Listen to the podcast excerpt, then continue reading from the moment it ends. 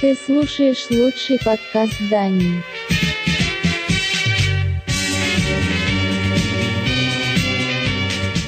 Музыкальная милиция.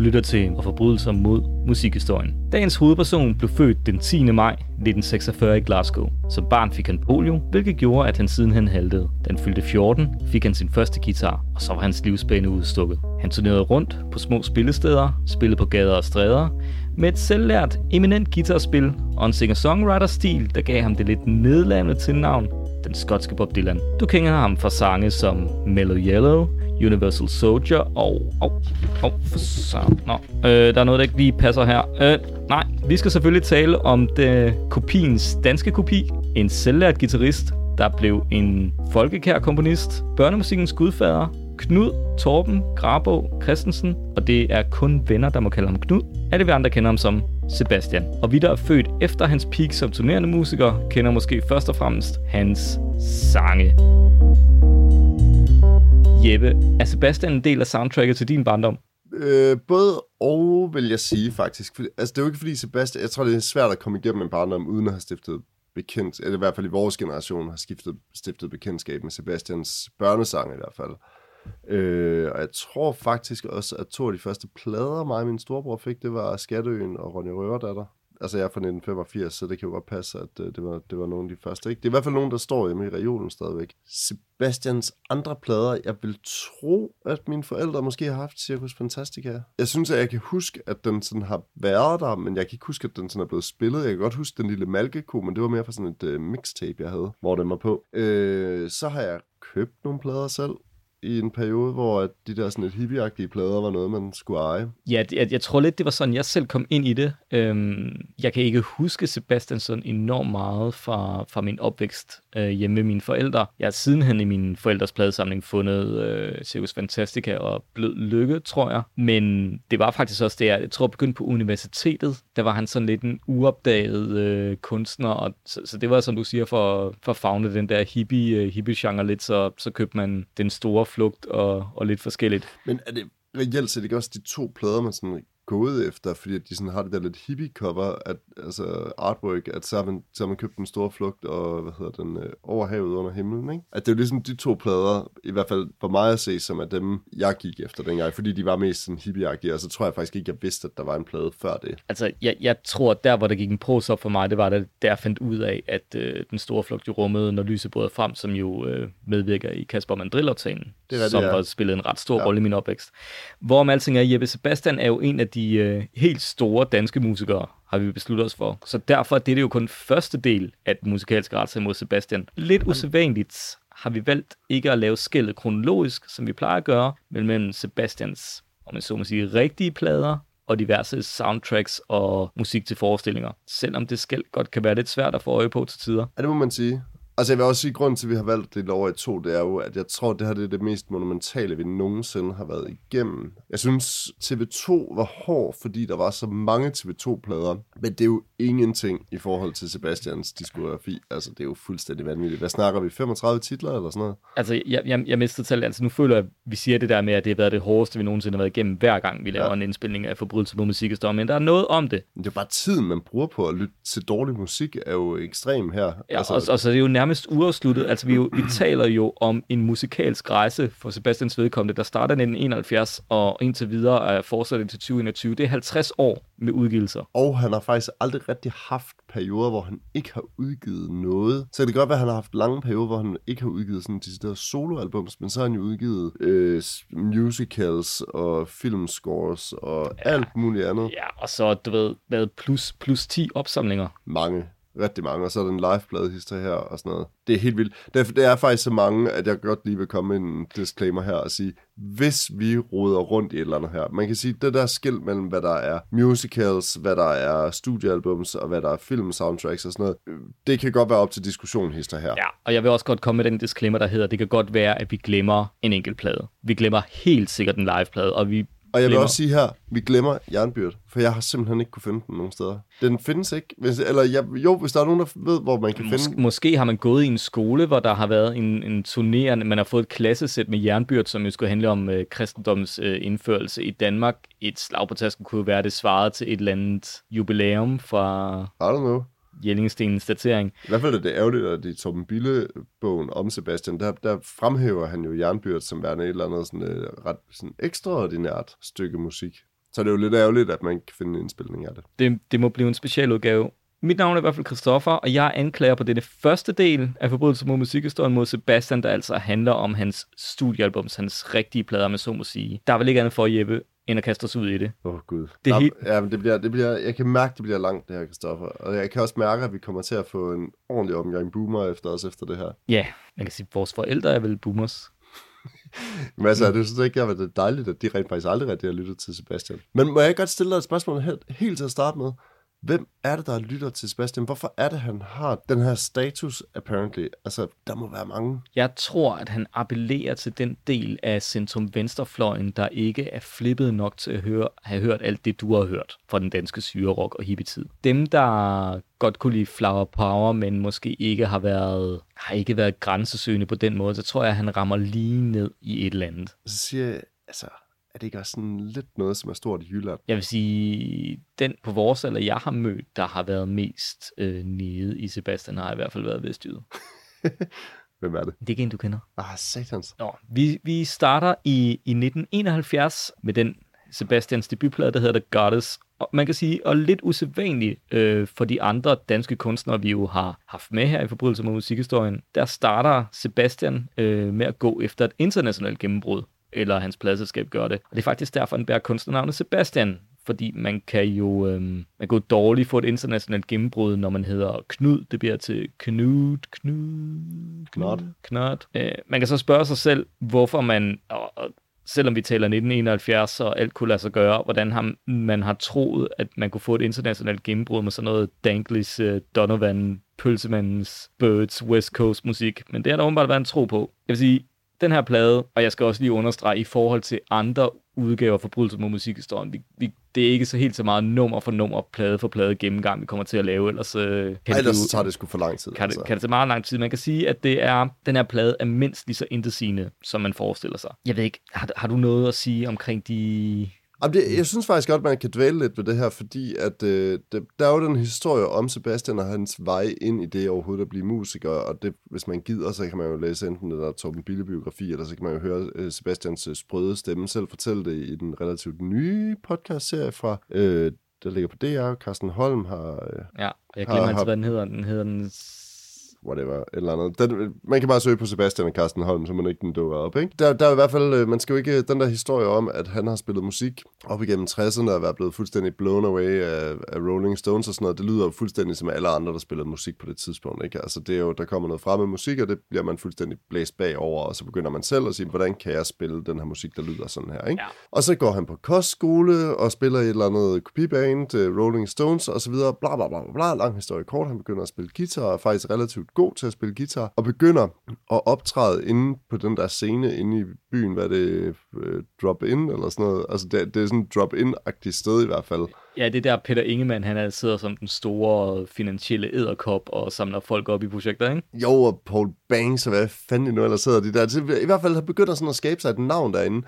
Og for mig at se, så lyder jo det der jo som sådan en eller anden åben jam-scene. Altså, at det er der, han ligesom... Det også, men under alle omstændigheder, så, så ændrer det jo ikke på, at han ligesom bliver samlet op der og får en pladekontrakt. Efter sine så er det jo verdens dårligste pladekontrakt, fordi det er noget med, at han fraskriver sig alle rettighederne til, øh, hvad hedder det, trygt materiale, altså forstået på den måde, at det, det er alt, øh, hvad hedder det, sådan øh, forlæg på, hvad hedder det, nodeforlæg. Og dem fraskriver han sig faktisk i, i, i mange år. Og altså, så, så han bliver jo taget sindssygt meget røven her. altså for en, en så udbredt i det danske skolesystem kunstner som Sebastian, så er det jo en skæbne værre døden. Men den plade der, jeg synes faktisk, at når man lytter til den nu her, så altså, bevares, det jo ikke, det er jo ikke jordens bedste plader, jeg synes absolut heller ikke, at, men jeg synes ikke, den sådan er pinlig, altså, jeg havde måske lidt sådan en følelse af, at nu skulle man lytte til et eller andet, der sådan var helt off, ikke? Men altså, det den er måske sådan, bare sådan lidt anonym måske. Altså, den Ja. er sådan lidt sendt og glemt. Du kan jo ikke rigtig huske, hvad der er, der ligger på den anden, end det er noget med en mand, der spiller guitar og så lidt... Øh, Altså, der er i hvert fald ikke nogen grund til, når der findes en Donovan derude, og der findes en Burt Jans derude, hvorfor du så skulle købe den her plade. nej, det er måske ret nok. Til gengæld, så kan man jo øh, glæde sig over, at det er en gammel musikbillet kending, der er på trommer. Storbror. Hvad var det? Carsten Smedegaard. Nå ja, det er rigtigt. Mm. Mm-hmm. Storbror til de, de tunge, tunge trommer, Gert Smedegaard. Hvad er det? Men nu vi jo, vi jo tidligere lavet en øh, favoritleg på pladerne, hvor vi Mhm. mm-hmm. ligesom til sidst går pladerne igennem, og jeg tror for overskuelighedens skyld skal vi måske gøre det lidt løbende, så hvis øh, du nu fortæller som forsvar, hvorfor man skal lytte til den her plade, og jeg nu siger, hvorfor man, hvorfor man skal undgå den som pesten. Ja, Jamen, det vil jeg gerne. Altså, og igen, øh, det er en plade, der er meget anonym, ikke? Og jeg synes faktisk, grund til, at man skal lytte til den, det er, fordi den har et utroligt grineren, øh, hvad hedder det, der er et utroligt grineren titel på den her, der hedder Loving in a Garbage Can. Det synes jeg er et meget, meget klamt sådan billede på, på, på Elskov, som jeg virkelig godt kan lide. Man kan sige, det er en vulgær løbebane, der jo sådan rent lyrisk bliver udstukket for Sebastian det, starter, her. det starter her, ikke? Altså, Ja. ja. det, det er klart, at det der er sådan lidt mere latrinære øh, sprog og sådan noget, det, det kommer Ja. herfra, tror jeg. Altså, jeg, jeg har det sådan, altså grunden til, at man skal undgå den her plade, det er, vi har jo lidt været inde på det, det er, at den er forholdsvis anonym, øh, hele konceptet som sådan. Det er, men altså, at man udsender Babe, I Can Carry You Tombstone som single, den idé er så død i fosterstadiet, at man ikke engang behøver at ændre i den amerikanske forfatning for at få den aborteret. det, er, det er helt væk. Men, men Jeppe, vi kan jo sidde her, og jeg kan sige, hvorfor man skal undgå den, og du kan sige, hvorfor man skal holde den. Altså, vil det ikke ja. være meget godt, at vi hørte fra mesteren selv, hvad han egentlig synes om pladen? Meget gerne. Det har jeg fundet. Ej, det er Jeg har fundet et interview i Jyllandsposten, hvor Sebastian gennemgår samtlige plader op til 2007. Hold nu kæft. Hvorfor har jeg ikke fundet det? The Research Ej, det er derfor, du er journalist, og jeg ikke er. har i hvert fald været engang. Men hvordan, hvordan Nå. lyder det så, når han, selv, når han selv siger det? Sebastians vurdering af pladen dags dato 2007 er, den holder, Nej, bedre, sorry. Hvordan lyder det, når han selv siger det? den holder bedre, end jeg synes dengang. Jeg indspillede pladen med nogle musikere på halvanden dag, og faktisk synes jeg, at det svinger ret godt. Tre numre holder ikke, resten gør. Hvad, da han kommer ikke ind på, hvad det er for nogle numre, der holder, og hvad der ikke gør. Nej. Jeg vil, jeg, jeg, jeg vil sige, øh, det interview med Jyllandsposten, jeg, jeg tror, det er et såkaldt øh, et mail-interview, hvor journalisten har stillet nogle bedt, egentlig bedt Sebastian om at komme med nogle kommentarer til enkelte plader, og så har han fået dem. Og ja, det er de ikke Sebastian har brugt timevis på at svare på hver plade, men han har svaret, og jeg vil sige, ja. jeg, jeg vil gå så langt som kalde til, til at kalde det et scoop fra journalistens synsvinkel. Det må man sige, altså. Ej, jo, jeg er helt spændt, men kommer han også ind på Pippi Langstrøm med pladen og sådan noget? Det kan du tro. Det vil jeg godt love. Hold nu kæft, mand. Nå, men øh, lige øh, tilbage til kronologien her. Mm-hmm. Øh, det går selvfølgelig af helvede til med den her The Goddess, og heldigvis sker der det for Sebastian, at han øh, finder en annonce i avisen, der gør, at han får en mindre rolle i den danske version af Jesus Christ Superstar, Andrew Lloyd Webber, Tim Rice musical, med dansk tekst af Johannes Møllehave. Ej, er det rigtigt? Ja, ja. Men har du, har du hørt den? Jesus Krist, superstjerne. Ja. Det er fandme dårligt. Ja, ja, altså det er jo... Jeg Altså, forstår ikke, hvorfor fanden sang de den ikke bare på engelsk? Hvorfor sang de den ikke bare på engelsk? Ja. Og så, så havde alt dialog på de, dansk. fik, de fik jo... Han er altså, ja, lige før jeg troede, de fik dødstrusler og sådan noget for opsætningen. Det var jo dybt, dybt kontroversielt. Der, hvor jeg kommer fra. Jo, jo, jo, men altså, jeg mener bare, jeg, hele det der Jesus Christ Superstar, jeg kan jo egentlig godt sådan se, jeg synes, det er meget fedt, at man egentlig satte den op på en eller anden vis. Det er, det er jo lidt sjovt, og især så virker det jo sygt bedaget, når man lytter til Jesus Christ Superstar på dansk i dag, ikke? Ja, Øh, men kan du ikke gøre lidt lige, at han har været med i sådan 1972'ernes svar på X-Factor? Jo, det, det er meget fedt, men, men altså, når man tænker på opsætning, altså det er jo Eddie Skoller og Allan Mortensen, som øh, tror jeg henholdsvis øh, Herodes og, og Judas. Judas er jo ja. Hovedrollen. For, Sanne Salomonsen er med, ikke? nej, det er her, ikke? Nå ja, undskyld, ja. Ja. Altså til, til som en lille kuriosum kan jeg sige, at min onkel har spillet Herodes i en opsætning på Øster Gasværk en gang i nullerne, men den tror jeg var den engelske faktisk. Ja. Derudover så er den svenske operasanger Bruno Wenzel, han er med i rollen som Jesus. Og det der med Bruno Wenzel er, udover at han sang, øh, hvad hedder det, til åbning af EM92, så er han jo også kendt for den måske dummeste spiritusdom i historien. Kom med den. En gang i 90'erne. Altså, Bruno Wenzel var jo sådan lidt en svensk, han var også tv-stjerne og så videre. Øhm, han havde en, en sportsvogn, der holdt parkeret ned på banen. Han er, han er til en fest, og han får måske en lille tår over tørsten, og han kører derfra i sin sportsvogn. Han skal til at køre. I det han kører ud fra sin parallelparkering, går det op for ham, at han, øh, at han har passeret, hans kilometertæller har passeret et af de der, hvor den skifter en masse, fra en masse nitaller til nuller. Bruno Vincel er så ked af, at han ikke har set det, at han sætter bilen i bakgear, bakker ind i en bil bagved og bliver knaldet af politiet. Det er kraftigt med dumt. Det er virkelig sjovt. Og så gik hans karriere ned ad bakke derfra. Men var det faktisk ikke også, altså er det ikke også der, hvor de snakker om, at de synes, det er ret sådan, øh, kontroversielt, at de tager en svensker ind som øh, Jesus? Jo, men jeg vil, jeg vil så sige, den opsætning af Jesus Christ Superstar, min onkel medvirkede på så gasværk, sådan, ja, som jeg husker, det var mere eller mindre halvdelen, de var svenskere. Jeg tror, det er ret normalt i musicalverdenen Ja. den dag i dag. Altså, that sets up, ah, det ved jeg sgu ikke. Jesus Christ Superstar, kan vi lige dvæle lidt ved den? Ja, Har du nogensinde sådan digget den og synes, den var fed? jeg synes, der er på nummer på, der er okay. Øhm, Men vi snakker jo stadigvæk der med Ian Gillan, ikke? Jo, jo, jo. Originalen, ikke? jo, selvfølgelig. Det, synes, jeg, det er sjovt, fordi det var sådan en, jeg tror, jeg prøvede sådan at bilde mig selv ind, at jeg synes, det var vildt fed, da jeg var 15 eller sådan noget, ikke? Og, sådan, og så også vendt tilbage til den, og så lyttede jeg faktisk til den her for et par år siden, ikke? Hvor, altså det er jo alle knapper mod øst, altså det, det er jo, den, er jo, den spiller jo på 11 hele tiden, altså. Ja, jeg vil sige, rent, rent tema- tematikken teologisk er det jo meget interessant, at den tager hele den der øh, kontekst med øh, i, i Jesu liv omkring, at de der politiske grupperinger, celoterne osv., de var med mm. Det er det, der driver historien. Det synes jeg er jo ret interessant. Det er jo ikke så meget hans guddommelighed, det er jo mere det politiske element i det, øh, ja. Ja. der bliver fremhævet i Heaven, Heaven on Their Minds osv. Ja. Den synes jeg er meget fed. Det er ikke, fordi jeg sådan hater-hater på den, for det er også bare en musical, ikke? Men det er i hvert fald noget af det, man kunne godt sådan se, øh, man kan godt se, hvor Sebastians problematikker kommer længere hen, når man hører Jesus Christ Superstar, ikke? Yep. Nå, men øh, den her rolle i Jesus Christ Hvad, Superstar... hvad er det, han spiller? Sorry. Åh, oh, jeg har set det. Han, han, spiller jo, han spiller jo et eller andet Spiller anonym... han tre eller sådan et eller andet? Nej, en eller anden anonym disciple, som ingen kan huske. Ja. Vi skal vende tilbage til Sebastian og Jesus Christ Superstar, når vi kommer til lige et par plader henne. Ja. For der sker jo så også det, og der tror jeg, at hans egen kronologi er lidt øh, mærkelig, fordi Jesus Christ Superstar, den danske udgave, har premiere på Falconer Teateret i 72, ikke? Det er nok meget værd det. Men han udgiver Lossepladsen Bløder EP'en i 1971. Er du sikker på det? Det er det, jeg kan finde på Discogs følger. Det kan være, at vi lige skal have en faktatjek ind her. Øh, fordi jeg føler måske lidt, at lossepladsen bløder først ligger på den næste plade. Nej, den ligger på Blød Lykke, men den blev Ja. udgivet som uh, s- Eller EP, ja, EP i 1971. okay, men det tror jeg måske, det, det kan du godt have ret i. Ja, Ja, jeg, jeg tror, jeg tror, det de har noget studietid til overs, og så øh, indspiller han den her, øh, hvad hedder det, Lossepladsen Bløder, som jo er hans sådan et eget take på Desolation Row med Bob Dylan. altså det er jo også et glimrende billede på en tidskone. Altså, det var sjovt, den tanke havde jeg overhovedet ikke fået. Men jeg er sikker på, at han har siddet ude på toilettet og skrevet den der sang og været pisse Ved- liderlig, ved og du- været så træt af, at hans kone har haft menstruation, og så har han bare, lossepladsen bløder, paradis, det er langt herfra. I hvert fald fem dage. Men i Sebastians egen mytologi er det jo her, der han finder ud af, at han skal skrive sange på dansk, og det går hverken værre eller bedre, end at øh, vi er kommet til hans øh, gennembrudsplade, og for nogen nok også stadig det bedste Sebastian-album. Ikke os, men fans. Ja, nu vil jeg faktisk ikke... Ej, okay, det er, ikke, det er ikke mit favoritalbum med Sebastian, men jeg synes absolut ikke, det er det dårligste. Jeg synes faktisk, at det kan eller og jeg synes... Og det kan godt være, at det er sådan lidt den der sådan hippie-romantik, der ja. er over det, som jeg egentlig sådan synes, at i alt dets naivitet kan jeg egentlig godt spille ind på, at en mand på hvad, mm.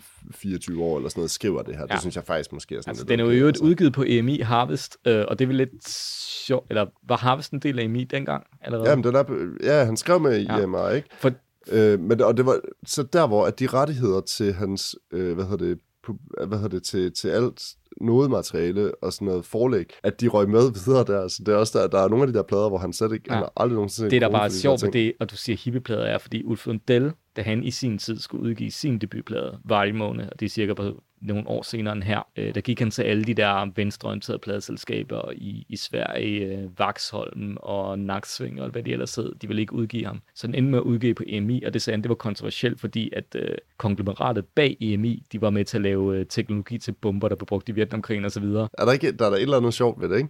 Men jeg synes, at, at hans beskrivelse af EMI i 1970'erne, i hvert fald i Torben Bille-biografien, den er jo ret grineren, hvad er det, en gut, der hedder Jerry, eller sådan noget, som er sådan hans, øh, som er sådan hans A&R-agtige øh, dude derinde på EMI og sådan noget. Og den måde, at han sådan beskriver det som værende sådan ekstremt konservativt og øh, meget sådan tilbageskuende label, og at da de udgiver den store flugt, og de kommende plader også, at de har sindssygt svært ved at sælge den åbenbart, fordi at de bare ikke rigtig ligger ude i butikkerne, og de ikke rigtig får den sådan visibility ude i butikkerne, som, som sådan er påkrævet af, en plade bliver nødt til at have på det her tidspunkt. Ikke? Og det, det synes jeg skulle et eller andet sted er lidt sjovt at læse. Altså, og det der brud, der kommer med Emi senere, det skal nok Ja. ja. også komme tilbage til, er jo også sådan, det er i hvert fald, det er sjovt at læse ned i sådan et tidsbillede af en industri på det her tidspunkt, hvor, hvor der er mange penge i det, og en plade, der sælger 5.000 eksemplarer, er, en, er ikke nogen succesplade, for eksempel. Det var en anden tid. Det var en bedre tid. Men i hvert fald, Den Store Flugt indeholder jo nogle af hans mest ikoniske sange. Øh, Når lyset bryder frem, kendt fra Mandrillaftalen.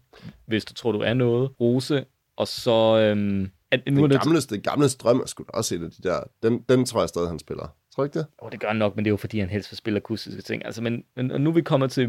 Nej, det ved jeg ikke. Det kan godt være, at du lige skal have lov til at sige noget mere om Den Store Flugt. Jeg vil sige, at øh, det, der sker på Den Store Flugt, og noget, som kommer til at plage ham på rigtig, rigtig mange plader, det er, at han stifter bekendtskab med en ny trommeslager, som er Carsten Smedegaard. Og det lyder fandme frygteligt. Sorry, Alex Riel er ikke nogen god rocktrommeslager. Det er han bare nu ikke. bliver vi hængt ud i den der boomer-rockgruppe igen. Det er jo ikke fordi, Alex Riel, han ikke godt kan finde ud af at spille trommer. Det han er garanteret glimrende jazz-trommeslager. Det skal jeg ikke kunne udtale mig om. Men jeg synes virkelig ikke, han spiller særlig fedt på de der rockplader. Jeg synes, det var det samme, vi snakker om med Savage Rose. Han er, det, der er ikke nogen tydelige markeringer. Det er alt sammen sådan noget flyde, sådan noget feather touch. Øh, og så har han sådan lidt et mode at spille sådan øh, rockmusik på. Og det med vanvittigt mange sådan, øh, underdelinger på alting. Der er alt for mange sådan slag og lille tromme øh, fnider ja, og sådan noget. Det er, det, er, som man, det er, som man siger, all over the place. Og der er det jo lidt problematisk, når du har en... Øh, altså, jeg mangler endnu at finde selv en dygtig guitarist med fingerspil og så videre, der kan holde kadencen sådan rent rytmemæssigt helt godt. Så du har, du har lidt brug for noget yin til den yang. Og det, Alex. Riel, han kommer bare til at forstærke øh, det der meget flydende udtryk. Jeg synes, det handler rigtig meget om, hvordan man lytter til musik. Ikke? Og det kan godt være, at folk, der kommer efter os og siger, at Alex Riel er en god trommeslager, men det er han er givetvis til nogle bestemte genrer. Det her, der spiller han bare ikke særlig godt med. Sebastian. Altså, eller s- han spiller ikke særlig godt med på, på de numre, der ligesom er. Fordi hvis man havde haft en, nu ser jeg bare Gert Smedegaard, whatever, øh, Henning Stærk eller sådan et eller andet, ikke? Han vil bare sidde og spille to og fire igennem hele lortet, og så vil han måske lige gå op i klokken i omkvædet. Problemet med Alex Riel, det er, at hans eneste måde ligesom at markere overgangen, det bliver, at han enten tager nogle slag væk, eller så er der han flere slag. Og ofte så er der han flere øh, sådan underdelingsslag på det, han sidder og spiller. Hvis man så oven i det har en bassist, som man faktisk ikke rigtig kan høre, hvad laver, men som bare er sådan noget... Altså noget pøl, pølsebas, ikke? så har man jo ikke rigtig nogen bund i det der musik. Så bliver det alt sammen sådan meget flyden ud-agtigt. Og det lyder bare ikke særlig fedt. Altså, jeg synes ikke, det lyder Det særlig lyder i fedt. hvert fald meget bedaget, men øh, nu er vi måske fremme ved grund til, at jeg synes, man nogle gange skal overveje at styre i en ret stor bue uden om øh, den store flugt, i hvert fald hele pladen. Og det handler om øh, en sang, der kommer til at varsle de kommende plader sådan meget, meget, meget irriterende bodega samfundkritiske øh, tilgang til sangskrivning. Da verden skreg. Bla bla bla, ruder konge, gifttog, bla bla bla bla bla. Da verden skreg. Stop det. Er det ikke også lidt med, da verden skreg, at det indvarsler lidt, hvordan han egentlig skriver lyrik på dansk? Der er virkelig, virkelig, virkelig mange ord. Og ofte så er det også en lidt lemfældigt forhold til sådan, øh, hvad hedder det, øh, stavelser, man, man sådan har brug for, for, for, for at få versefødder til at passe og sådan nogle ting, ikke? Altså, man kan altid øh, smide et sku ind, eller et skide, eller hvad det nu skal være. Jamen, så er der alle de der fucking forpulede sange om alle mulige sådan, karakterer, man skal forholde sig til.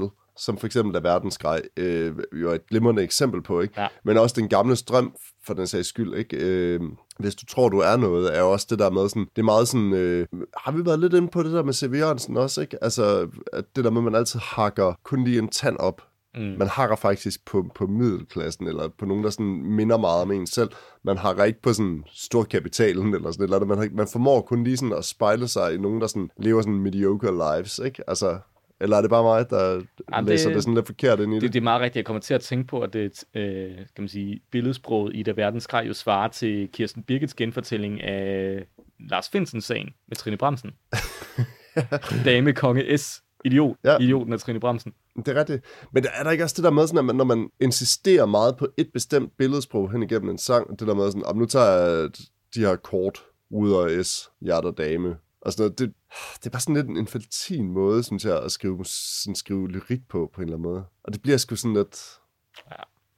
Og den, den er altså exceptionelt hård, men jeg vil altså sige, den er hård, fordi jeg synes ikke, virkelig ikke, bandet spiller særlig godt. Men, men hvorfor skal man så høre pladen? Jeg vil faktisk sige, at jeg synes, der er to numre her på, som jeg synes indvarsler noget Sebastian, som er, som er sådan udholdeligt at lytte til. Øh, og det er Den Gamle Strøm. Jeg synes, den kan noget. Ikke det hele, men, men der er faktisk den bridge fra vers til omkvæd viser, at han trods alt alligevel har nogle dybder i sin sangskrivning, hvor han kan finde ud af at lave nogle overgang, som jo egentlig fungerer. Men den fungerer også primært i de stykker, hvor bandet ikke spiller med. Ikke? Hele introstykket der er jo sådan set er, er faktisk meget fint. Altså første vers op til, til, til bandet kommer på, ikke? Men jeg synes, lige så snart bandet kommer på, så falder det rimelig meget fra hinanden, ikke? Men jeg tror, med et bedre band, der tror jeg faktisk, det nummer godt kunne være blevet til noget, ikke? Og så synes jeg, jeg synes faktisk, man skal høre Rose. Jeg synes faktisk, det er et fint nummer. Og så er den jo også med på den øh, 80'er-plade, der hedder Fix og Færdig, om junk i Danmark hvor Lost Kids blandt andet også har et nummer med på. Okay. Ja. Men vi vil jo helst høre, hvad mesteren selv har at sige om pladen, ikke? Jo, meget gerne. Skal ja. jeg læse op den her gang, eller vil du? Du, du må meget gerne læse op. Okay. Det er den, der står her. Vurderingen i dag. Det, det er en, en af de plader, som jeg selv hører. Men jeg ved, at, at mange har et nært forhold til den. Jeg synes, at pladen stadig holder. Tre sange står stjerneklar. Og hvad vil du mere? En klassisk, alle, alle mine fans er idioter, men de må jo kunne lide det. Altså, er der ikke også lidt med den her plade, hvis du er 13 år gammel og sidder i Holstebro eller sådan et eller andet, og man ser det der sådan et hippieagtigt cover, og den har været nemmere sådan at komme i nærheden af en, lad os bare sige, en eller anden runerodet udsyret plade, eller øh, sti og stenpladen, eller hvad fanden vil jeg, ikke?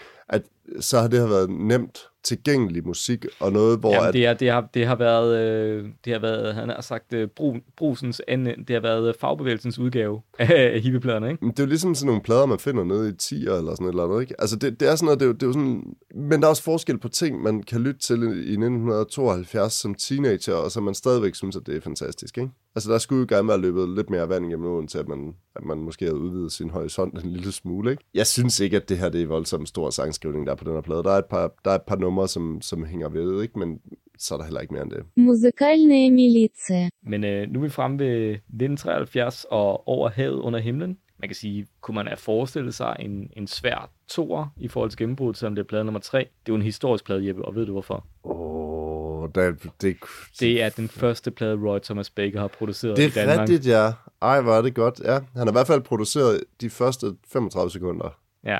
Og ved du, hvordan han gjorde det? ja, han kørte guitarspor baglæns. Ja, det er fedt, mand. Hvorfor siger Sebastian i det der interview, vi begge to refererer til, at det er en guitar solo? Er det ikke bare en akkord, der bliver slået an-agtigt? Jo, det er bare sådan noget guitarfræs, tænker jeg. Niels Henriksen står, men altså, det er jo også det sjove, det der med, at hvis producer Niels Henriksen ikke selv kunne sådan fange, at man kunne gøre et eller andet grineren, som for eksempel at vende båndet om, ikke? Nej, det ved jeg ikke. Det skal være med at trash talk ham. Det, det skal tidsnok komme. Men synes du ikke, det er lidt vildt, at han sådan allerede så tidligt i sin karriere har kunne formå sådan vel at mærke med plader, som ikke sælger sønderligt mange eksemplarer, apparently, i hvert fald i forhold til, til sådan, hvad, hvad man kan læse sig frem til øh, i sin samtid, at det ikke solgte sindssygt meget. Men at de ligesom sådan solgte langsomt. Det var ikke sådan nogen, der sådan røg direkte ind på hitlisterne, men det var sådan lidt mere sådan et langt sejt træk for at sælge pladerne. Men at han allerede så tidligt har kunne knytte så etablerede musikere til sig, og så dygtige musikere også. Altså i, på Københavner-scenen dygtige musikere, ikke? Jeg tror ikke, det har haft noget at gøre med penge. Det ved jeg ikke. Jeg kan bare ikke helt se, hvem der er, der sådan skulle have finansieret det. Altså, at hvis, hvis han synes, at EMI laver så dårligt arbejde for ham, så er det jo ikke dem, der har finansieret det. Eller det kan jo godt være, det har, så har han bare været, så han bare ikke vidst det, eller så, han ikke, så er det noget, han ikke gider i talesæt nu, fordi han er sur på EMI stadigvæk, eller sådan noget, ikke? Det kan sagtens være. I hvert fald åbningsnummeret In eller Out, som Roy Thomas Baker jo så har produceret de første 35 sekunder af. Altså, Der er man, mange ord i det nummer, er man kan ikke tale om musik, men jeg vil, men altså det jeg bemærker i, det er, at han virkelig slår ind på hans go-to rent lyrisk. Det, det hele er af helvede til ikke en skid. Du er ude at skide. Det er latrinær enderim hele vejen, der, og han så bruger en bandeord til at få værsefødderne til at passe. Mig her, sku mig der, sku mig der. Men det gør det da for fanden, og man vælger sgu da ham, der giver det allerstørste nul. C.V. Jørgensen på den gyldenblonde tekster. det er rigtigt. Ja, ja, det er det. Altså, det vildeste, det er vel faktisk, at det her, det er vel, det er vel faktisk før C.V. Jørgensen udgiver noget, det her, ikke? Det er 73, er han, den første C.V. Jørgensen, er den ikke 74? Jo, det er sådan noget der. Det, det, på, på den måde kan man sige, at han er, er en lille smule first mover. Man kan jo sige, at han har formået at network i det der Jesus Christ Superstar øh, setup, ikke? Fordi mm. han har med mange med derfra, ikke? Altså, det er jo, Niels Henriksen var vel også med der, han har eller Mortensen med på backing vokal og sådan nogle ting, ikke? Jeg tror ikke bare, han er Al Mortensen med på backing vokal, men det kommer vi til, når jeg skal tale om Nå, okay. lavpunkter. Fedt nok. Men altså, derudover anden halvdel, vi er om anden halvdel af pladen, må det være sådan cirka. Det er sådan en form for sådan pirat sømands øh, konceptalbum. Det er vel også den del af pladen, der sådan holder. Altså, den, den synes jeg egentlig er okay. Men jo, du har ret, der er der sådan et eller andet sørøver-tema. Den hedder også Over havet under himlen. Der er vel et eller andet maritimt over det. Præcis. Hvis vi nu, hvis vi nu starter med dig, er, er det det, der gør, at man skal lytte til pladen? Nå, vi er allerede der. Jamen, det synes jeg faktisk, det er. Altså, jeg vil sige, jeg synes, man skal lytte til Over havet under himlen, titelnummeret. Det synes jeg faktisk, det kan et eller andet. Og det, det er ikke... øh, Altså, inden for Sebastian-verden, der synes jeg da klart, at det er et hit.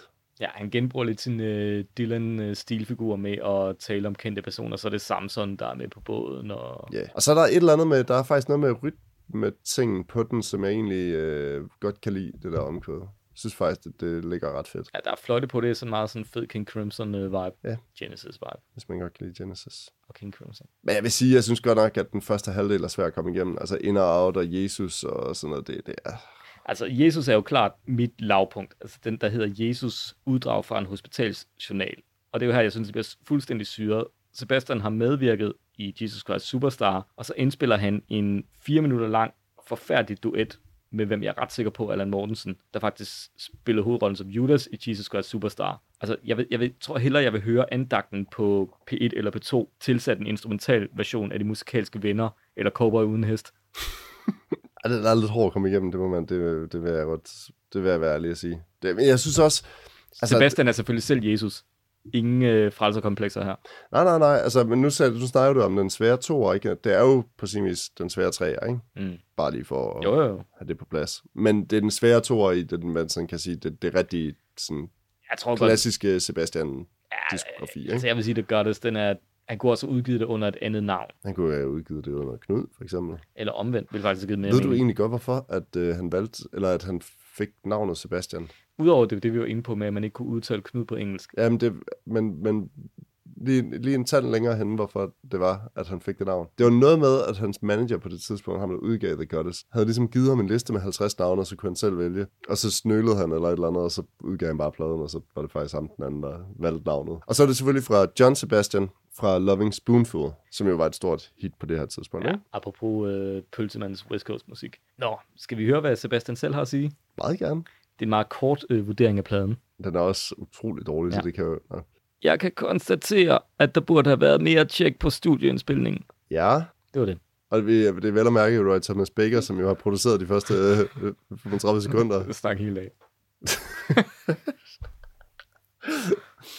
Men okay, på den anden side, hvis man har flået Roy Thomas Baker over, så Jeg tænker med de der kommentarer, Sebastian han må være fed hvis sådan, til at få rettet en dansk stil, som du har brugt flere timer på noget, og så skriver han bare et eller andet. Jeg kan konstatere, at ja, så er bare sådan en, en rød klat, og man, hvad, hvad skal det betyde? Nej, men jeg var bare sur den dag, altså, jeg var ikke, jeg var ikke lige i humør til det. Altså, den kommer jo også lige røven af den anden, ikke? Altså, det kan jo godt være, at det gjorde plader jo ikke.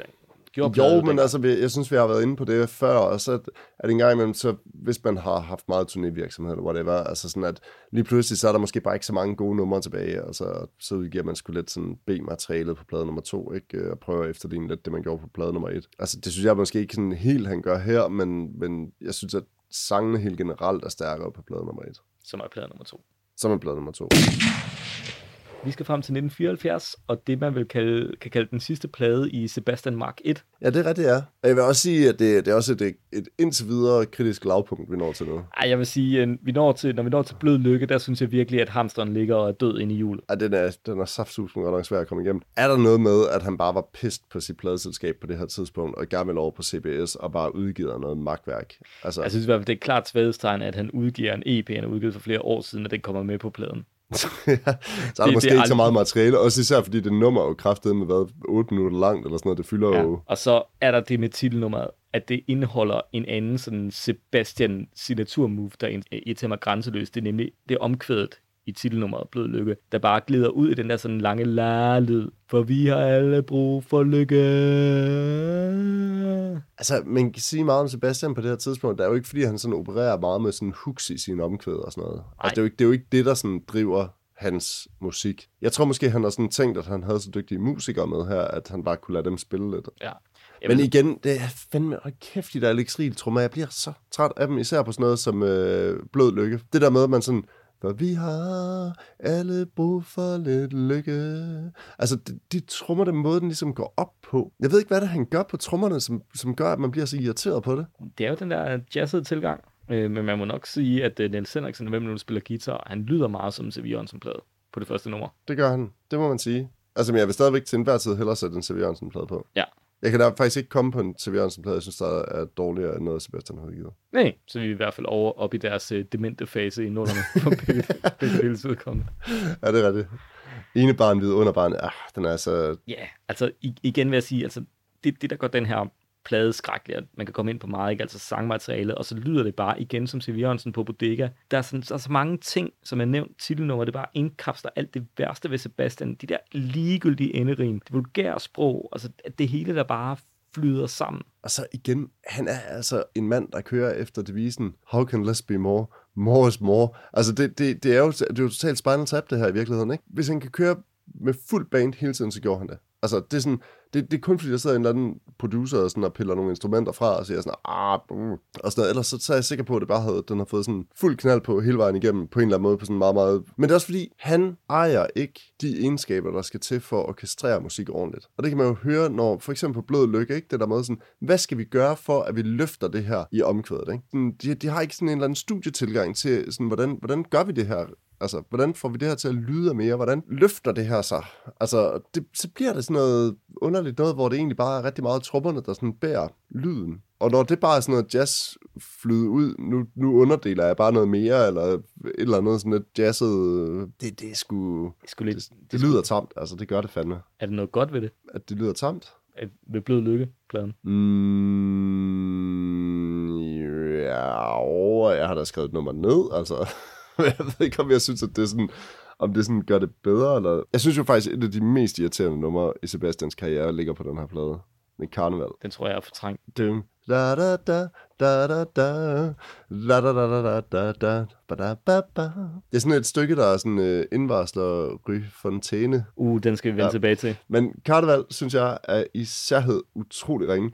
Hvis man skal høre et nummer fra den her, så tror jeg faktisk, jeg vil gå med ene barn med under barn. Det siger en del. Ja. Nå, men hvad, hvad tror du, Sebastian selv mente? Jeg, ved, jeg vil da hellere høre, hvad du synes er en, øh, et lavpunkt. Det tror jeg det hele med. Okay, Titelnummeret Blød Lykke, det er altid irriteret mig. Ja, det kan jeg godt forstå. Det er sætten også dårligt. Ja, men hvad tror du, vil du høre, hvad Sebastian selv mener? Meget gerne, ja. I anno 2007. Da jeg hørte den for tre år siden, blev jeg meget skuffet. Lyden stod meget mudret. Men efter remasteren af den plade, man finder i boksen, det er interviewet er givet i, i, i sammenhæng med, at han udgav et box, blev jeg glad. Det der, det, jeg er var, glad for, at det er det, han sådan... Det var mixing af pladen. Der ja, men det er rigtigt. Man kan ordne meget mix. Man kan selvfølgelig også prøve sådan at promovere sin nye boxset, så folk rent faktisk gider at købe lortet, ikke? Ja, det kunne være en fed promostrategi at sige, det hele er lort. det, det lyder rigtig dårligt. De plader, jeg har købt, der lyder pisse dårligt, men nu har jeg så lavet en ny version, som jeg det lyder til fedt. Puha. jeg kunne næsten ikke komme igennem det.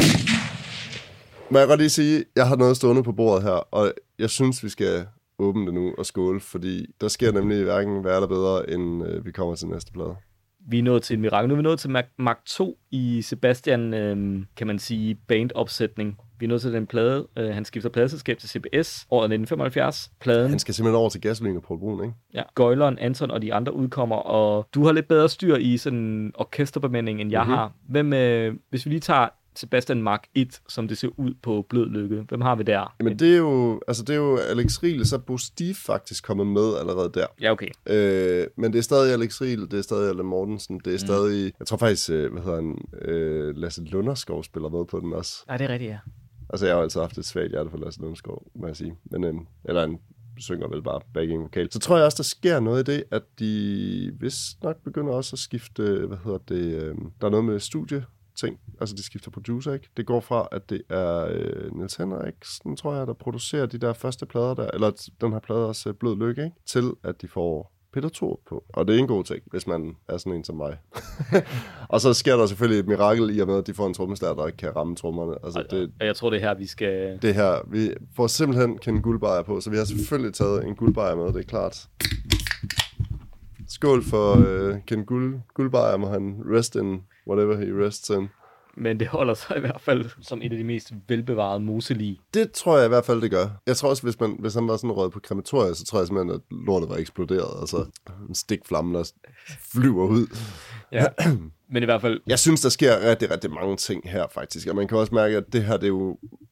Hvis man skal snakke om sådan en eller anden gylden ære i, i Sebastian-universet, så er det jo fra nu af og så frem til 1980 eller sådan noget. Ikke? Altså det er de her fem år, hvor han udgiver nogle plader, som jo altså, lyder markant bedre, også end hans 80'er-plader. Det er som om, han finder en eller anden nøgle til, hvordan han skal skrive nummer, ikke? Og det kan selvfølgelig godt være, at noget af det også er lagt rigtig meget over på for eksempel en Peter Torp, der sidder bag knapperne. Ikke? ja, skal vi lige kort uh, fortælle lidt om Peter Torp? Det kan være, der sidder nogle unge lyttere derude, der ikke uh, ved, hvem han uh, var. Peter Torp er jo, jeg vil faktisk, hvis man skulle bruge ordet legende om en dansk musiker, så vil jeg faktisk nok putte det på Peter Torp. Han var med i det band, der hed Beefeaters i øh, 60'erne. Øh, men i hvert fald, han fik sådan sit musikalske gennembrud med Beefeaters, som jo faktisk var relativt stort band i slut 60'erne. og så ryger, la- laver han nogle solo-ting. Han spiller meget i Tyskland, og så mener jeg også, at han er i USA at spille. Og får sådan, altså sådan øh, mindre gennembrud også i udlandet, faktisk, og kommer så tilbage til Danmark. Nogen vil måske sige svært alkoholiseret der i slutningen af, eller i midten af 70'erne, men i hvert fald så er han sådan et navn på den danske øh, rock- og blues-scene. Senere hen har han så udgivet en, nogle plader med Anne Grete. Skib for uden sejl, eller Islands in the Stream på dansk. Jeg synes faktisk, det er en ganske udmærket plade. Det er ikke, øh, altså, det er ikke sådan en stor kunst. Så lavede han den øh, plade, som blev hans eget sådan store solo gennembrud af den, der hedder Kejseren af Kina. Ikke? Men øh, under alle omstændigheder, så er Peter Thorup et menneske, som øh, han, han finder sammen med ligesindede, og dem, det blandt andet Ken Gudmand. Ja. Historien går jo, at de kunne drikke en, altså at før de overhovedet begynder at indspille, så skulle de hamre sådan en halv kasse guldbajer hver. Ja, som de delte uden at sige et ord. Ja, det var også på det her tidspunkt, øh, at hvis man læser Flemming Rasmussens biografi om Sweet Silence Studiet, at de øh, på et eller andet tidspunkt her i slut 70'erne gik væk fra elefantbajer som den eneste option ud i deres ølautomat til, at det var almindelige pilsner. Jeg ved ikke, hvorfor jeg synes, det er lidt smukt. Men, øh, nå, under alle omstændigheder, så selvom de her, det er jo selvfølgelig, går der rigtig, rigtig, rigtig mange bajer i den her, det tror jeg ikke, der er nogen, der sådan, det er vel ikke rigtig nogen hemmelighed. Jeg synes, at produktet af det, der kommer frem her, er ikke bare lidt bedre, men altså markant bedre. Man kan, man kan høre det fra de første sekunder på åbningsnummeret, at der ja. er sket et eller andet med produktionen. Den vil noget mere. Du, har en, du kan høre lille trummen. Du kan, det, smak,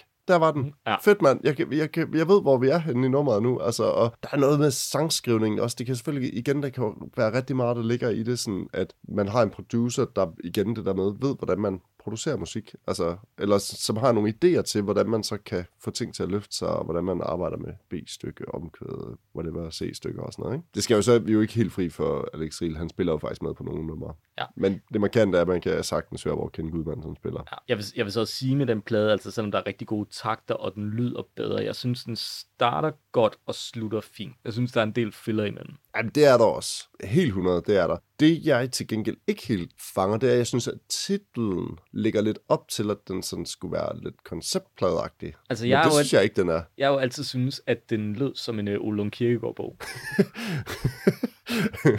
Anton og alle de andre rødder. Gøjleren, Anton og alle de andre rødder. Ja, det er det, ja. Men det er sådan lidt Men, ufuldendt. men ved, hvem, hvem spiller Gøjleren i den filmatisering? Jeg siger Otto Brandenburg. Ja, det kunne det sagtens. Så siger jeg måske, Anton kunne det ikke godt være en talking. Jo, det kunne det godt. Sådan kar- karakteren Anton kunne godt Ja. være en talking. Eller måske Ole Ernst. Ole Ernst, det er heller ikke et dårligt bud, ja. Hvad, hvad hvis, øh, hvad hedder det, Gøjleren var øh, Axel Strøby? Eller han er alle de andre. Ja. Axel Strøby er de der sådan, øh, hvad hedder det, øh, Ernst Meyer, er det ikke det, han hedder? Ham, fra, ham der altid spiller som biroller i Olsenband. Han har det der helt fucked up ansigt.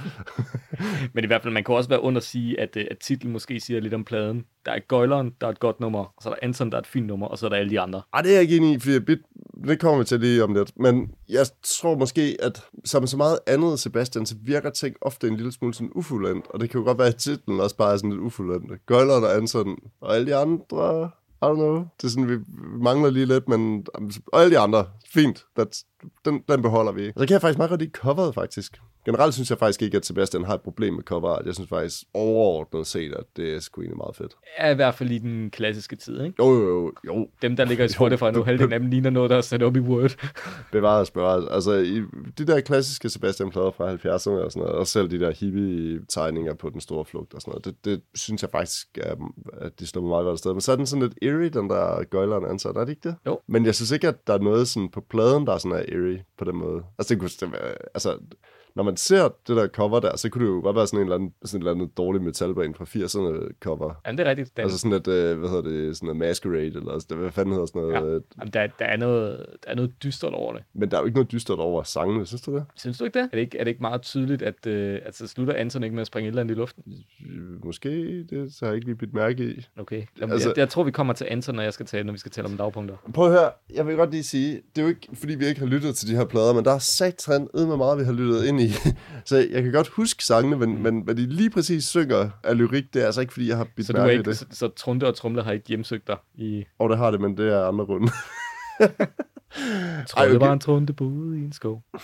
Jeg, jeg vil faktisk lige sige, hvis vi lige dvæler lidt ved Trunde og Trumle, ikke? Allerede, altså det, det kan godt være, at vi lige har, har sådan blameret os med, at der er så meget, meget bedre producer og sådan noget, men der burde være en, der havde stoppet det der. Altså, det, det, den skal bare ikke være med over plade.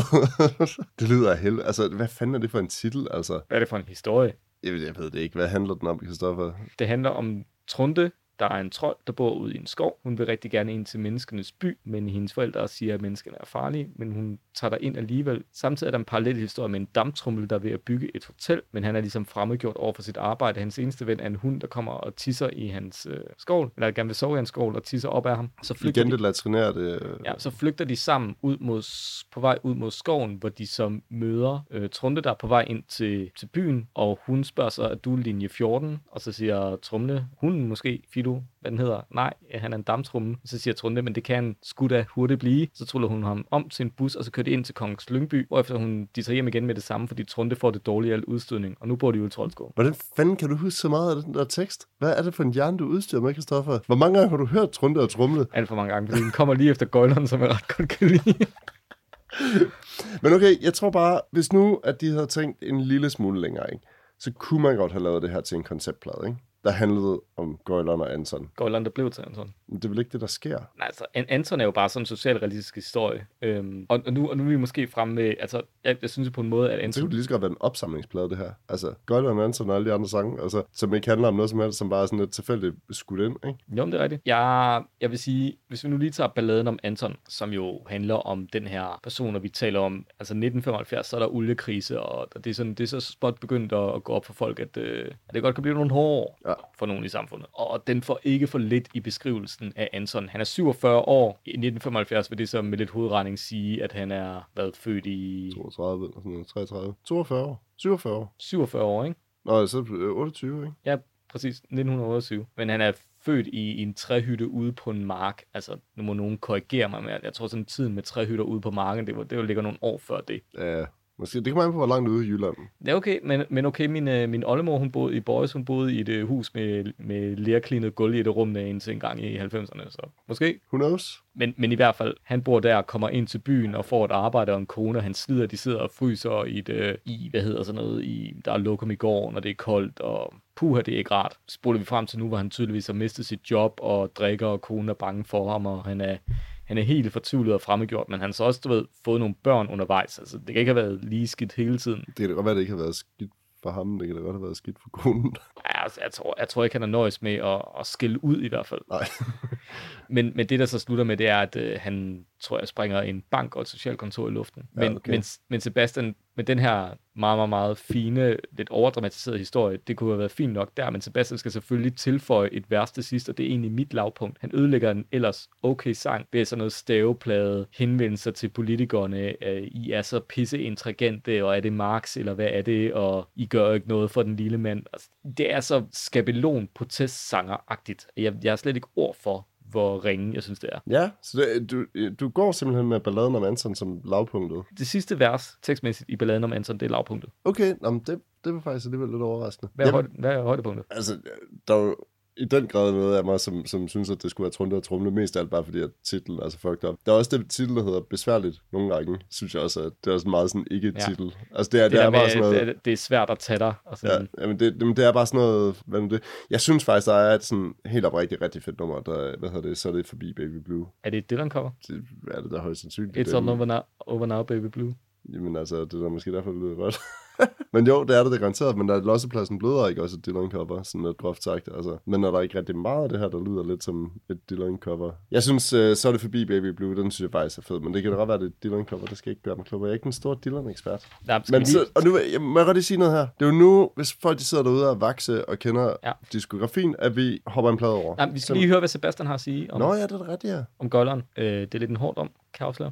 Mhm. Stille om til Sebastian. Der er for mange misser på. Teksterne er ikke tjekket nok. Flere arrangementer er for jappet, og vokalen er mixet for lav. Lyder som noget, Ronnie James Dio også skulle have sagt her. Vokalen er for lav.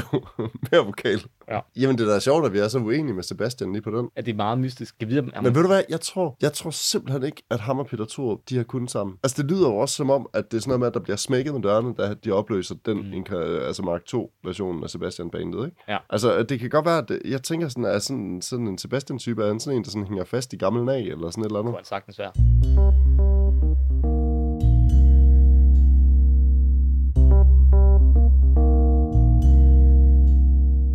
Nu sidder der måske nogen derude og tænker, at vi springer en plade over. Men det gør vi altså ikke. Det, den er med. Bare roligt. Den er bare med i del 2, øh, som, øh, som I kan høre om nogle uger, når vi får det færdigt redigeret og optaget osv. Og det er simpelthen, øh, måske kunne vi, det er jo et film-soundtrack. Og derfor har vi den ikke med her. Så vi springer direkte til, øh, altså må jeg godt lige have lov til at sige, mit personlige højdepunkt i Sebastian-diskografien overhovedet faktisk, Ulvehøjen. Ja, Ulvehøjen, som jo bliver den sidste, kan man sige, rigtige studieplade med, med Mark 2 Gudman-opsætningen. Både og. Vil du ikke også sige, at Sirius- Fantastica er inde i Jamen, det er jo, det er jo der er hverken, hverken Torp eller Gudman er vel med der. Nej, men det, der er vel stadigvæk nogle genganger, ikke? Men det, det, altså, jeg synes bare, at de tre plader hænger meget sådan sammen. Altså som værende Ja, jeg sådan Gøjleren, Ulvehøjen Ja, og Sirius ja. Fantastica, og så ryger man over i 80'erne. Jeg ved, jeg ved sgu ikke, om Circus Fantastica er med der. Øhm, en ting, vi forresten har glemt at nævne omkring Bruce Steve, der jo spiller bas på, øh, på de klassiske plader her, Ulvehøjen og så videre. Det var ham, der har lavet øh, Jette-sangen i Valhalla. Er det Den der? Guderne er til grin. Jeg tror faktisk også, det er ham, der spiller guitar på den. Det er jo meget, altså, det, det giver lige nogle point der. Har Sebastian altid haft sådan lidt et behov for at have sådan en golden goose med på sit hold? Altså, Altså, på. men jeg tænker bare sådan på, den, han havde hende der Ina Løvendal på de første plader, ikke? Som også var sådan en, han skrev en plade til måske på det tidspunkt, øh, som ikke blev nogen sådan sønderlig stor succes, altså hendes soloplade, hvor han skrev noget musik til og sådan noget, var også medvirket på. Så skifter han lidt ud, for Sanne Salomonsen med i stedet for, og så skifter han hende ud her, ikke på den her plade, men, men lidt senere med, øh, med Søs, ikke? Lis. Eller Lis, undskyld, med Lis, sorry. Ja, så var så søs kommer med på et tidspunkt. Men det gør hun, at hun Søs er med på Skatteøen blandt andet, ikke? Men har han altid haft sådan et behov for at have sådan en eller anden, altså han må jo alligevel sådan have kunne se noget i dem, ikke? Muse. En mu- mus. En lille bitte muse. Lille mus, man kan synge nogen, har jeg skrevet nogle sange til. Ja, men øh, hvad kan man sige om Ulvehøjen? Det er jo øh, igen en rigtig flot cover, synes jeg. Meget flot. Og så er en af mine yndlings danske musikere med på den plade. Martin Andersen på violin. De plader, han har lavet sammen med, hvad hedder det, Jan Toftlund, dem synes jeg faktisk helt oprigtigt, man skulle til at lytte til. Hvis man gerne vil lytte til nogle 70'er plader, som stadigvæk er politiske, men hvor øh, sådan sangskrivning og tekster og sådan nogle ting, det går noget mere op i en højere enhed. Så synes jeg, at de der, hvad hedder det, brev fra Sverige og velkommen og sådan noget, jeg synes, det er virkelig nogle stærke plader. Ja, yeah. tilbage til Ulvehøjen. Tilbage til Ulvehøjen, ja. altså, det er jo ikke fordi, at jeg synes, at den her plade back to back er sådan et mesterværk. Men jeg synes, i Sebastian øjemed, der synes jeg klart, at det her, at han sådan sangskrivningsmæssigt piker på de her sådan studieplader. Ja. Jeg synes, der er nogle ting i for eksempel titelnummeret Ulvehøjen, som er meget øh, dygtigt, meget klogt gjort. Og det er ikke også her, han sådan for alvor sådan får Kenny Knudsen med på, på Jo, synth. jo, det, det kan Jeg godt tror passe. ikke, at, at nu bliver jeg sådan helt i tvivl, men jeg tror altså ikke, at han har spillet så stor en rolle på de forrige plader.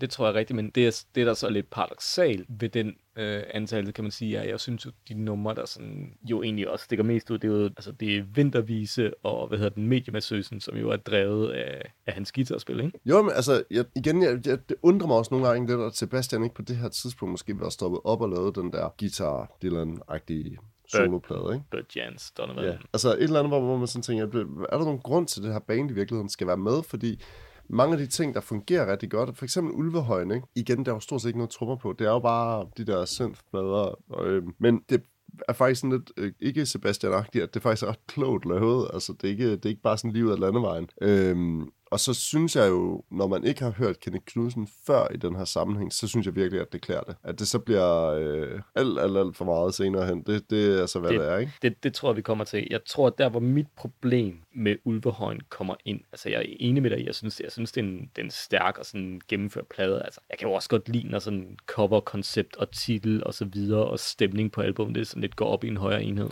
Men er han ikke også mere dark på den her? Altså, er det bare generelt ikke mere sådan dyster plade? Jo, men der synes jeg bare, at de der politiske overtoner i det, især når han udtaler sig om det, der, der synes jeg, det bliver sådan lidt, øh, og nu, nu citerer jeg for før omtalt interview igen, her han, han fortæller lidt mere om baggrunden for pladen. Mm-hmm. Øhm, jeg lader lige være med at læse det op i hans stemme. Jeg ønskede at lave en politisk plade og sige noget om Fremskridtspartiets leder Måns Glistrup. Jeg følte, at mange af de værdier, som jeg fokuserede på, var under angreb. Jeg mente, at der var risiko for, at Danmark kunne udvikle sig til et fascistisk samfund på grund af de holdninger, som gennemsyrede landet. Show. Men gennemsyrede landet. Det tror jeg ikke Bare, for, bare fordi der kom en politiker, der mente noget, du var enig i, som i øvrigt dengang for størstedelens vedkommende handlede om skattepolitik. altså, på det her tidspunkt, hvor at indvandrere ligesom ikke rigtig er kommet ind i billedet, så er han vel sådan en true anarkist, ikke? Altså, altså en af de få anarkister, vi har haft i dansk politik, men så den der sort marcipan-sang er jo selvfølgelig, det var gumbetung øh, metafor altså, til... Jeg vil jo sige, jeg synes, det er lidt fedt, det der med, sådan, at ved sort marcipan, altså Guns N' Roses, de har uh, Mr. Brownstone, ikke? Og uh, Rolling Stones, de har uh, Brown Sugar. Og i Danmark, der kan vi komme op med sort marcipan. Jeg tror ikke, det er det, sangen handler om. Det kunne være lidt sjovt, hvis det var. Ja, det er noget helt andet, der, der gennemsyrer, det, gennemsyrer det projekt. Det var ikke, det var ikke kun øh, guldbajer. Nej, når det er så sagt, så er det jo ikke fordi, at jeg sådan går hjem og sætter ulvehøjen på. Jeg tror måske, nummeret ulvehøjen kunne jeg godt finde på at sætte på, faktisk. Ja. Jeg, jeg synes faktisk, det er virkelig godt nummer. Det må jeg sige. Jeg synes til gengæld, der er nogle, der er nogle svipser på. Altså for eksempel ansigt til ansigt. Det er hårdt. Jeg synes også, uh, katten synes jeg også er ret svær at komme igennem. Altså, det er svært at finde den Sebastian-plade uden øh, lavpunkter. Hvis, vil du høre, hvad han selv synes? Mm-hmm. Jeg synes, at pladen holder. Ikke mindst eksperimenterne med Ken Knudsen, parentes keyboards, fungerer. De tekniske muligheder i studiet blev udnyttet. Ja, altså det skal også siges, på det her tidspunkt har de jo også haft en voldsom økonomi til at kunne bruge relativt meget studietid til at lave de her ting. Ikke? Når man læser igen den der før omtalte bog øh, ud fra Sweet Silence-studiet, så er det jo nærmest som om, at studiet sådan er blevet belejret af musikere hen over flere måneder for at indspille de her plader. Ikke? Og Sebastian har jo selv ligesom også udtalt i, øh, i den, du, hvad hedder det, den podcast-serie med, øh, med Carsten Holm, at når man lavede de her store plader, så brugte man meget studietid, og at man ligesom boede der og sådan nogle ting. Ikke? Jeg synes bare, det er sjovt, at han sådan omtaler det som store plader. Altså store plader i hvilken forstand? Altså at man bare har brugt lang tid på det, eller at man først har besluttet sig for, hvad man skal spille, når man møder op i studiet, og derfor bruger enormt lang tid på det, eller er det fordi, det sådan lydmæssigt udfolder sig helt vildt stort? Fordi jeg synes, at noget af det, der er meget ejendommeligt ved de her plader, som jo er, jo, det er jo store plader, fordi det vil eller andet sådan forsøg på at lave øh, nogle plader, der lyder som Stille Dane eller sådan et eller andet. Ikke? Altså man, man har sådan en rettesnor for god lyd, Jo, vel, altså, det- velskrevet, musik, det, man velskrevet plejer- musik og god lyd. Ikke? Det, det, man plejer at sige, er, at det er her, man finder ud af, hvordan man gater trommelyden. Ikke? Altså, vi har det der Alex Riel versus andre skismaker. Man finder ud af, hvad der egentlig sker, hvis du gater trommelyden og stemmer dine tammer, for eksempel, rigtig, rigtig mm. lavt, så du får den der dab-lyd, en... Men, men vi har jo før været inde på det, de her slutninger af 70'erne, hvor der bare kommer rigtig mange penge i musik, og hvor man begynder at bruge rigtig lang tid i Danmark også på sådan at efterligne, hvad man laver i USA, og hvor du sagde noget med, at Superdure, de går meget efter den der sådan Supertramp stadion lyd, så må man jo sige, at Sebastians band, de går jo nok mere efter sådan noget øh, Weather Report møder Steely Dan funky lyd, ikke? Altså øh, alt det der sådan øh, Tigrias øh, elektroband, øh, Heavy Hancocks øh, lydflader og sådan noget, ikke? Altså det, det er jo meget det, der sådan, det, det lyder i hvert fald som om, at det det, der sådan har været det, sådan, den æstetiske sådan, rettesnor for, hvordan ting ja, skulle Det lyde. er Ikke? tilsat en god, øh, god chat uh, Leonard Cohen på de akustiske ting. Ikke? Jo, jo, men, men altså, det, det er vel ikke sådan en forkert antagelse, det andet. Altså, den der sådan Danmarks svar på Stile Dane eller sådan et eller andet. Altså, det, det er jo også Jo. de musikere, der er med, er jo alle sammen sådan nogle, altså, det er jo sådan nogle teknikere på en eller anden måde. Oh, klart. Sådan, I godsøjne sådan kapaciteter inden for deres område. Altså, Ja, og, en, øh, og en producer, der ikke rystede på hånden, mens han stadig havde en.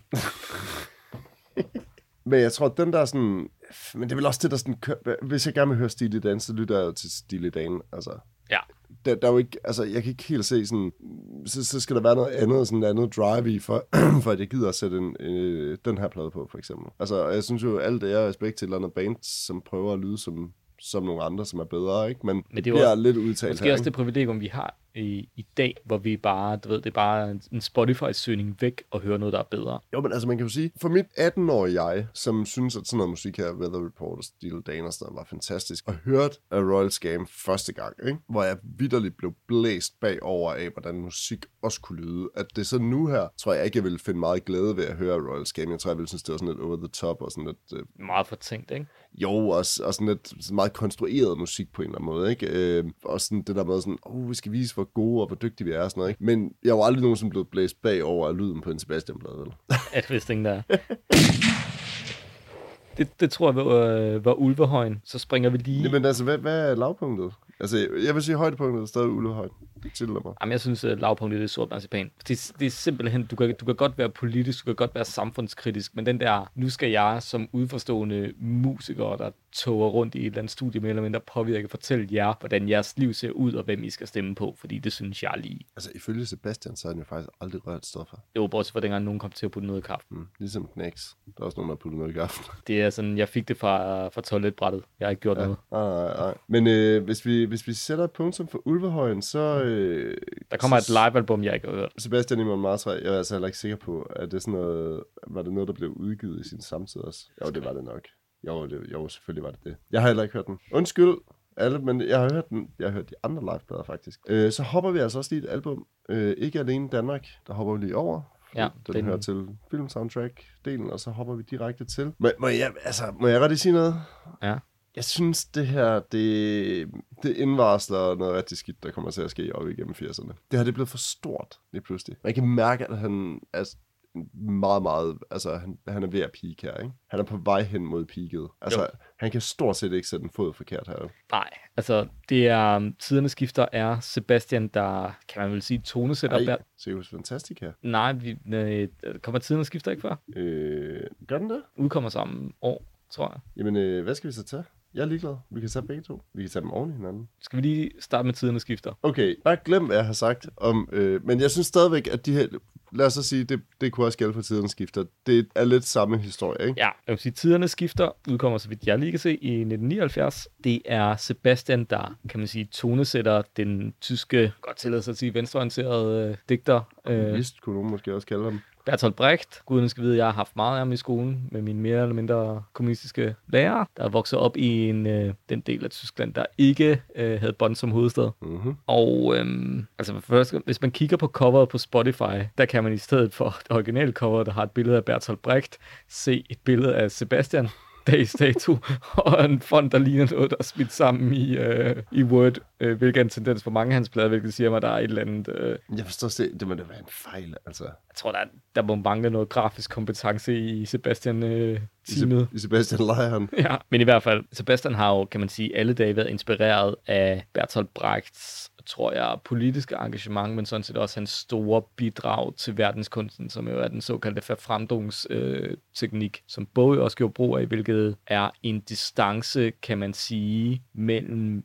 værket og indlevelsen på scenen, forstå, forstået på den måde, at i gamle dage, hvis du var rigtig, rigtig ked af det, så var skuespilleren også rigtig, rigtig ked af det, for at du som beskuer skulle blive ked af det. Det er sådan en meget, meget en-til-en tilgang til kunst. Brecht indførte den, øh, kan man sige, dualitet, dikotomi, kald det hvad du vil, hvor du godt kunne have et meget, meget muntert nummer, der havde en dyster tematik. Drej, Groschen, ober og så videre er virkelig meget munter og positiv, men tematikken er meget dyster. Den har Sebastian jo egentlig gjort brug af sådan ret tidlig i sin karriere også, hvis du tror, du er noget, er jo i virkeligheden et meget, meget muntert nummer, men tematikken er meget trist. Så på den måde har Brecht jo været, tror jeg, en livslang inspiration for Sebastian. Det tror jeg overhovedet ikke. Altså, han siger jo selv, at han overhovedet ikke kendte numrene, da han øh, skulle tonesætte de der numre. Det er svært ved at tro, han taler om, om Jenny, som i Syrå Jenny allerede på overhavet under hende. Ja, men det, men det er det, historien er. Hvis man hører Sebastians egne ord, eller læser dem i Torben Billes øh, biografi, så tager han til Østtyskland og mødes med Bertolt Brechts datter, for ligesom at søge tilladelse til at måtte bruge teksterne, men det var under forudsætning af, at han ikke havde hørt originalversionerne, fordi han ikke skulle være farvet af, hvordan originalversionerne de lød. Det, det må så passe, men altså... Og så tror jeg simpelthen ikke, at han har haft øh, hjernekapacitet. Altså, sorry, jeg tror simpelthen ikke, at han har haft øh, viden nok til at vide det, du lige fremlagde der. Det tror jeg simpelthen ikke. Det kan godt være. Bowie vidste i hvert fald, hvor om alting er. Det kan godt være, det bare på mit hoved er en inspiration, men øhm, han laver i hvert fald den her plade, hvor, kan man sige, han sætter musik til danske oversættelser af Bertolt Brecht. Og hvad kan man sige om det? Det er jo sådan lidt som, jeg tror det, på, øhm, på Alenberg, a.k.a. Psykopaten på Frederiksberg, står der klaver. Mhm. Og hvis man så derhen drikker, er der nogle gange nogen, der sætter sig ved det klaver og bokser lidt. Det er lidt den følelse, jeg får, når jeg hører tiderne skifter. Det er lidt Sebastian, der er sådan lidt øh, suppesteg is-agtig, sætter lidt klaver på nogle tekster. Men er den ikke også lidt in between det her, vi snakker om, hvornår er noget sådan et film, soundtrack, hvornår er det musical, hvornår er det, hvad er det egentlig for en ting, det her? Er det her faktisk sådan en klassisk Sebastian-plade, for eksempel? Det ved jeg ikke, der var nogen, der mener, det er en af hans bedste. Jeg tror faktisk, når jeg lige uh, tænker mig jeg tror faktisk, at den der plade har stået hjemme i min fars pladesamling. Så det skifter, den solgte jo mega mange eksemplarer. Ja. Der har været mange venstreorienterede på det tidspunkt. Jeg vil sige, det eneste nummer, der stikker lidt ud, det er Sørøver, Sørøver Jenny, eller hvad den hedder. Jeg kan bare bedre lide originalversionen. Jeg havde jo et kursus øh, om musik i Weimar-republiken på musikvidenskab. det hedder med med hardcore. Der var meget Bertolt Brecht der, det kan jeg love for. Jeg har glemt langt det meste af det igen, men jeg har måske et kompendie liggende et eller andet sted. Ja, altså med, med flere års øh, tysk i, i både skolen og gymnasiet, så har jeg med har set på teatret og læst min beskårende del Brecht. Det er jo heller ikke, fordi det sådan isoleret set er dårligt, vel, men jeg tror måske også bare, at vi er en generation af unge, som har haft øh, gymnasielærer, som blev uddannet op igennem 70'erne, hvor det der, det var sådan pensum-pensum, at det var det, man ligesom skulle, det var sådan den marxistiske tilgang til verden, øh, og især til kulturen også. Og det synes de så også, at man skulle udbrede op igennem øh, slut 90'erne og start 2000'erne på gymnasierne rundt omkring. Ikke? Og jeg tror måske også, det er det, vi har været indlagt til. Ikke? Jeg tror ikke, at Bertolt Brecht vækker specielt meget genklang på gymnasierne rundt omkring i dag. Nej, men har, har du noget godt at sige om det her? Nej, øh, altså et eller andet sted, så kan jeg jo godt lide, at, at Sebastian eksperimenterer. Og jeg kan godt lide, at han, øh, han sådan kommer ud af sin comfort zone på en eller anden måde. Ikke? For det havde også været meget nemt at lave. Og så har den jo så lavet samme år, Serious her som, som jo på mange måder minder om Ulvehøjen og Gøjleren. I hvert fald i, i, sådan i måden at lave det på, men jeg kan godt lide, at han prøver noget andet. Han prøver sig selv af på en eller anden vis, og så ved jeg ikke, jeg tror måske, hvis man stod der i 1979, så tror jeg, at den her plade havde haft en anden Øh, jeg tror, den, den var gået renere ind. Jeg synes, den er lidt hård at lytte til nu. Ja, hvad tror du, Sebastian selv mener om den i 2007? Jeg tror virkelig godt, han kan lide den. Jeg, jeg læser op her nu, og du får hele baggrunden også. Mhm. Jeg synes som udgangspunkt, at jeg kunne lave kompositioner til disse tekster, og det endte med at blive en plade, hvor jeg først og fremmest koncentrerede mig om musikken, endda i så høj grad, at jeg glemte at synge. Sangen blev nærmest ordnet som det sidste. Sangforedragene er generelt set for upræcise. Så det vil sige, at teksterne er også ligegyldige, og sådan, fordi det virkelig bare handler om musikken. Mærkelig tilgang her. Det skulle da mega underligt. Altså, er det er 90% af Brecht, og det handler ikke om teksten? Altså, Jo, jeg vil nok sige, at jeg synes, at musikken er ekstremt underordnet den plade. Ja, spe- specielt fordi jeg tror, at hvem ville have løftet et øjenbryn, hvis han havde lavet en dansk version af de originale forlæg. Altså med et moderne band eller sådan eller andet. Jeg tror, det også der, der garanteret Ja. også fungerede Nå, fint. så ikke? synes, og så synes jeg egentlig også, det er lidt tragisk. Nu har vi jo talt om, at når han selv skriver tekster, de bliver hurtigt bliver latrinat og så videre. Det er jo faktisk endnu værre, når han skal tage andres ord i sin mund, om jeg så må sige. Altså, han kan ikke rumme det. Der kan, du- der kan du tale om fremmedgørelse. Altså, det- det, det er færd fremdung. Den plade, det er færd fremdung. Ja, men jeg vil så sige, at jeg synes, at der er trods alt alligevel... Ej, hvis man skal høre en sang, så skal man høre Sørøver igen. Selvfølgelig skal man det. ja, Men hør originalen, altså for guds skyld. Altså, der er simpelthen ikke nogen grund til at... Nej, hør Jenny, igen, hvis den er. Hvad synes du er et øh, lavpunkt? I, igen, altså, jeg, det er ikke altid, jeg har specifikke lavpunkter. Jeg synes, pladen som helhed, jeg synes virkelig, det er, det er tandløse melodier. Det er, det er sådan noget, du ved, spoken word jazz. Så det er sådan noget klaverbokser arrangement. Det synes, jeg, det synes jeg faktisk er under hans niveau. Ja, dog kan man jo sige, at det ikke den første plade, hvor de Sørensen er med. Det kan faktisk godt være, at hende har han jo uh, chattet op i Norge. Ja, men var det det der Shit og Chanel, halløjsa, som sådan øh, kolliderede på en eller anden måde? Ja. Ja. Jan Linnet synger vel også med på nogle af de der plader, ikke? Altså, når, han har jo alle mulige gæstefolk inde på de der. Altså, det, igen, jeg synes, det er ret vildt, hvad det er, han sådan kan få tiltrukket af musikere, der gæsteoptræder på hans plader. Om det så bare er fordi, de sådan helt tilfældigt er i studiet sammen, og så "Jamen, kan du ikke lige synge? Og så, jo, det kan jeg godt. Altså, eller om det faktisk er noget, der sådan er de steder samarbejde. Det er jo sådan, at fortaber sig nok lidt i togerne, ikke?